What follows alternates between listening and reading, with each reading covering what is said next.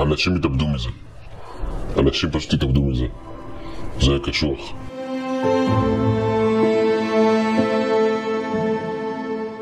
זהו סיפורם של אבות ואימהות שעוברים ניכור הורי. למי שלא מכיר את המושג, מדובר בתופעה בה בן הזוג ובת הזוג משתמשים בזמן הגירושים בדבר החשוב מכל, הילדים. אותם ילדים עוברים הסתה שיטתית עד שהם לא מעוניינים יותר לדבר עם אחד ההורים. התופעה הנוראית הזאת שוברת את אותם הורים מבפנים, הם עוברים דיכאונות, חרדות, כעסים וגם הסתבכויות עם רשויות החוק. למרבה הצער, ישנם גם מקרים של אבות שבחרו באופציה הכי טרגית שיש ושמו קץ לחייהם. חלק מהמוראיינים בסדרת הכתבות יהיו מטושטשים וקולם יעוות, אך הכאב שלהם נשמע בצורה הכי ברורה וכואבת שיש. אנחנו כאן בשביל להביא את הסיפורים הקשים והכואבים האלו. תשמעי, אני במצב דיפנס. כל יום יש לך הודעות נאצה בוואטסאפ, ככה וככה וככה וככה וככה. אין לך מה לעשות איתו. אם אני אכתוב משהו, ישר אה, יהיה תלונה, חקירה ובלה בלה בלה. אי אפשר לחיות ככה. זה אבא או אימא, שזה בשר מבשרם, הם פתאום מתנתקים מהילדים, הם נהפכים להיות אבות ואימהות שכולים לילדים חיים. אז אני נמצאת כאן אה, עם אה, עין שבחר אה, להישאר בעילום שם ולהיות מטושטש. אה, בוא תספר לי מה מביא אותך לפה, אה, קצת, תן לי קצת רקע על הסיפור שלך האישי. בעצם אה, אני גרוש כשנה וחצי, אה, עם שתי ילדים קטנים שחווים, אני חווה, לא יודע להגדיר את זה, אני או הם חווים בעצם ניכור הורי. אני כמעט ולא רואה אותם, האמא כל הזמן מתנגדת מה ומתנגדת. זה כמעט ולא רואה אותם? אני רואה אותם אה, אה, שלושה ימים בשבוע בלי לינה, מאחר הצהריים עד הערב, בבית או במרכז קשב? בבית. אוקיי. אה, להחלטתי. בהתחלה זה היה כאילו גם רק באזור שלה. רק אחרי חצי שנה נתנו לי אותם גם שאני יכול לקחת אותם אליי. אה, היה הרבה ויכוחים, הרבה עימותים. אפילו העובדת סוציאלית אומרת לי, האמא מתנגדת? אני אומר, אז מה אם היא מתנגדת? למה מקשיבים לה? את פה, את רואה שהכל תקין? הילדים שמחים, מאושרים, מתקנחים, זאת אומרת, האימא מתנגדת שיהיה קשר לילדים עם האבא, ובעצם בית משפט, אתה יודע, בהמון מקרים, הוא לוקח את הצד של האימא ואומר, רגע, האימא מתנגדת, זה יכול להיות שיש סיבה. ואם בית משפט לא מוצא סיבה אה, מספיק אה, צודקת, אז אתה אומר, היא פונה לגורמים שהם אה, משטרתיים, בטענה שעשית דברים כאלה ואחרים כנגד הילדים. אז היום אישה שרוצה להתנקם, בשנייה.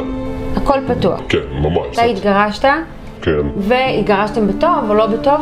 לא כל כך בטוב. אוקיי. אז התגרשתם לא בטוב, ומשם בעצם מתחיל מסע, לטענתך, כן, אולי מסע נקמה או איזשהו מסע של... אה, שהיא טוענת אה, כלפיך טענות מאוד מאוד קשות, ותוך כדי זה מנסים אה, להמריד את הילדים כנגדך, נכון? כן, היו גם תלונות שם במשטרה.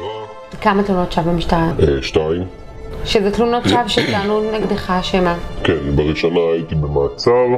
אה, שבעצם אה, עשיתי מעשה אלימות כלפי הבן שלי, שהוא תינוק, היום קצת יותר גדול, אבל עדיין הוא בן שלוש.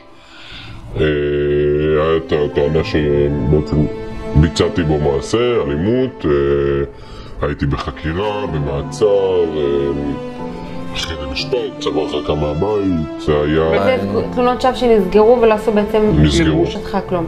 התלונת שווא השנייה הייתה בעצם, אה, היה חשד למעקב אחרי הגרושה, אה, שאני עוקב אחריה דרך הטלפון, שהתקנתי לאפליקציה בטלפון, אה, לקחה איזה חוקר שבדק וזהו, אני, בחקירה המשטרתית כאילו רשמו, האב כאילו הנחקר צחק. מה מניע אישה לעשות דבר כזה? אתה יודע, אני מנסה להיכנס לראש של אימא שבעצם הולכת אה, וממרידה את הילדים שלה כנגד האבא, או אימא שהולכת ובעצם רוצה לגבול את, ה, את הגרוש שלה מאחורי סורג ובריח. מה האינטרס שעומד מאחורי זה? מעשה נקם. יצאתי מהבית, השארתי אותם לבד, את ה- אתה יודע, היא טיפלה לבד בילדים, אני יודע בוודאות שעזרו לה, לא משנה, משפחה. למה עזבת את הבית? פתאום ביום בהיר אחד קמת והלכת? כן, הלכתי לעבודה ופשוט חזרתי. אה, היום אתה וגרושתך במצב שהוא מצב אה, חברי, מצב... אה, אין יחסי אמון בשתי הצדדים. אנחנו עכשיו התחלנו תיאום מורי בהכרח בשביל... גם את זה מתנים את הלינה בתנאי שנעשה תיאום מורי. כי אם לא נעשה תיאום מורי, אז האישה הרוויחה. הילדים אצלה. אם נעשה תיאום מורי, במרכאות, אם הכל ילך חלק, אז אני קיבלתי את הלינה. אבל אם לא הכל ילך חלק, אם היא מתנגדת והכל, הילדים נשארים איתך, היא הרוויחה. אתה אומר שעדיין הכוח בידיים שלה. חד משמעית. בואו נחזור לנקודה הזאת, שבעצם אתה התחתנת עם אישה, אהבת אותה, אהבה גדולה והכל, ואז פתאום מאישה שאתה, מהאדם שאתה הכי אוהב בעולם, היא הפכה להיות האויב שלך. הרגשה נוראית, הרגשה נוראית מאוד, ופתאום במצב של אה, חיי משפחה וחברות הופך למצב של אה, סוג של בדידות. זה מאוד קשה, היום יום אני מנסה להעסיק את עצמי כמה שיותר כדי לא לחשוב על זה. זה מאוד קשה וזה גורם קצת אפילו חרדות בפני, בפני נשים. אה, לא רואה את עצמי, אני לא רואה את עצמי מת לבד, אבל אני לא רואה את עצמי בתקופה הקרובה מחפש אה, חברה. זה ממש הופך לחרדה, זה קשה מאוד, אה, ממש קשה.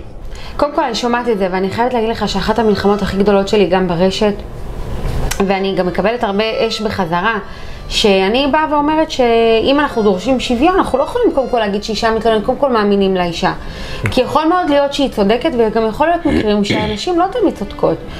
אמ, ואני שומעת פה את הסיפורים, ואני שומעת המון מקרים של תלונות שווא, שבסופו של דבר מתלוננים ולא עושים כלום. אני חושבת שפה הדברים צריכים להיעצר.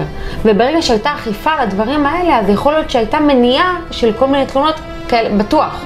לא מדברים על כל המשברים שגברים גרושים עוברים, אפילו, אתה יודע, גם תשלומי מזונות, גם אם בן אדם אה, אה, יתגרש ביפה, גם התשלומי מזונות זה חלק מ... אתה יודע, בן אדם צריך לשלם ערימות של כסף, אה, כמו משכנתה, אה, לכל החיים, ויש גברים שלא מצליחים להרים את הראש מעל פני המים, נכון. וזה לא דבר פשוט. אה, יש לי ארבעה חברים שהתאבדו, התאבדו. המצוקה שאני נפגשתי איתה בדרך היא מצוקה בלתי נתפסת. אנשים מאבדים את כל מה שיש להם, אתה לא יכול לעמוד מן הצד. איפה אתה אמרת, אוקיי, אני צריך לשנות גישה, ואני חייב להבין שאני פה יכול למצוא את עצמי באיזושהי סיטואציה שאני יכול לייצר גם. כן, תראי, אין לך הרבה ברירות. אנחנו בעצם, אני לפחות, אני תמיד אומר על עצמי, אני במצב דיפנס. אני הגנתי. כל יום יש לך הודעות נאצה בוואטסאפ, ככה וככה וככה וככה וככה. אין לך מה לעשות בעידון. מצד שני, אם אני אכתוב משהו, ישר יהיה תלונה, חקירה ובלה בלה בלה. זה מצב בלתי, אי אפשר לחיות ככה.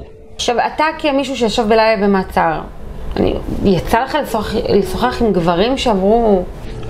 לא, אה, הייתי בחדר לבד, זה מעצר ב... במשטרה בעצם. אה, הייתי לילה אחד לבד שם, אה, יצא לי לחשוב לא מעט על המצב. כן, זה היה קשוח, כולל הזיקים, כולל זנזנות וכולל הכל כולל הכל. ואיך הלילות שלך? זה קשוח, אני מנסה להעסיק את עצמי ממש עד הרגע האחרון שאני גמור מעייפות וגם לראות את הסדרה עד שנרדמים. זה כמה שפחות לחשוב על זה, זה, זה... אנשים יתאבדו מזה. אנשים פשוט יתאבדו מזה. זה קשוח. בוא תספר לי על מקרה שפנו אליכם ובסופו של דבר זה נקרא, חס וחלילה בטרגדיה או במשהו ש... אז זהו, אני אה, יכול לספר לכם על מקרה מזעזע. התקשר אלינו אדם בשם... אני לא עניתי לו, אבל אז לא היה לנו צוות של מטפלים ולא היה לנו שום דבר. ומה הוא אומר לכם בשיחה? הוא היה במצוקה אדירה והוא פשוט זעק לעזרה, זעק לעזרה, ולא לא היה לנו... לא היה לנו שום דרך לעזור לו. אז המקרה הזה נגמר בצורה כזאת שהוא עלה עם שני הילדים שלו לגג בית וקפץ יחד איתם. עם הילדים שלו? עם הילדים שלו. ולמה בחרת בכל זאת, אה, אתה בוחר לדבר על הדברים אבל לא להיחשף? ממה אתה מפחד כאילו? מתביעה, כמו שהיה תלונת שווא הראשונה והשנייה, אז מכל דבר, בין אם זה במשטרה, בין אם זה בבית הדין, שיכולים להגיד, אה, אתה מדבר על האישה ככה וככה, אז אה, לא ייתנו לך את הילדים. כל דבר יכול... זאת אומרת שאתה מרגיש שמסתכלים עליך כל הזמן בזכוכית מגדלת. חד משמעית. אה, קודם כל, אתה היום בקשר עם הילדים שלך, אתה מדבר איתם, אתה רואה אותם? כן, אני רואה אותם. ועמותת לצדכם? הטיפולים עם עובדת סוציאלית, המפגשים גם החברתיים וגם אה, כל המערכת. העובד סוציאלי כתב לי, אה, זה נקרא תזכיר סוציאלי כזה, דוח סוציאלי, שמאוד עזר לי מול בית הדין, אנחנו מנוהלים בבית הדין הרבני. אה, זה עזר לי מאוד, העמותה מאוד אה, עוזרת ומייעצת. טיפ קטן לגברים שעוברים עכשיו איזשהו תהליך של גירושים, תהליך קשה, תהליך של ניכור.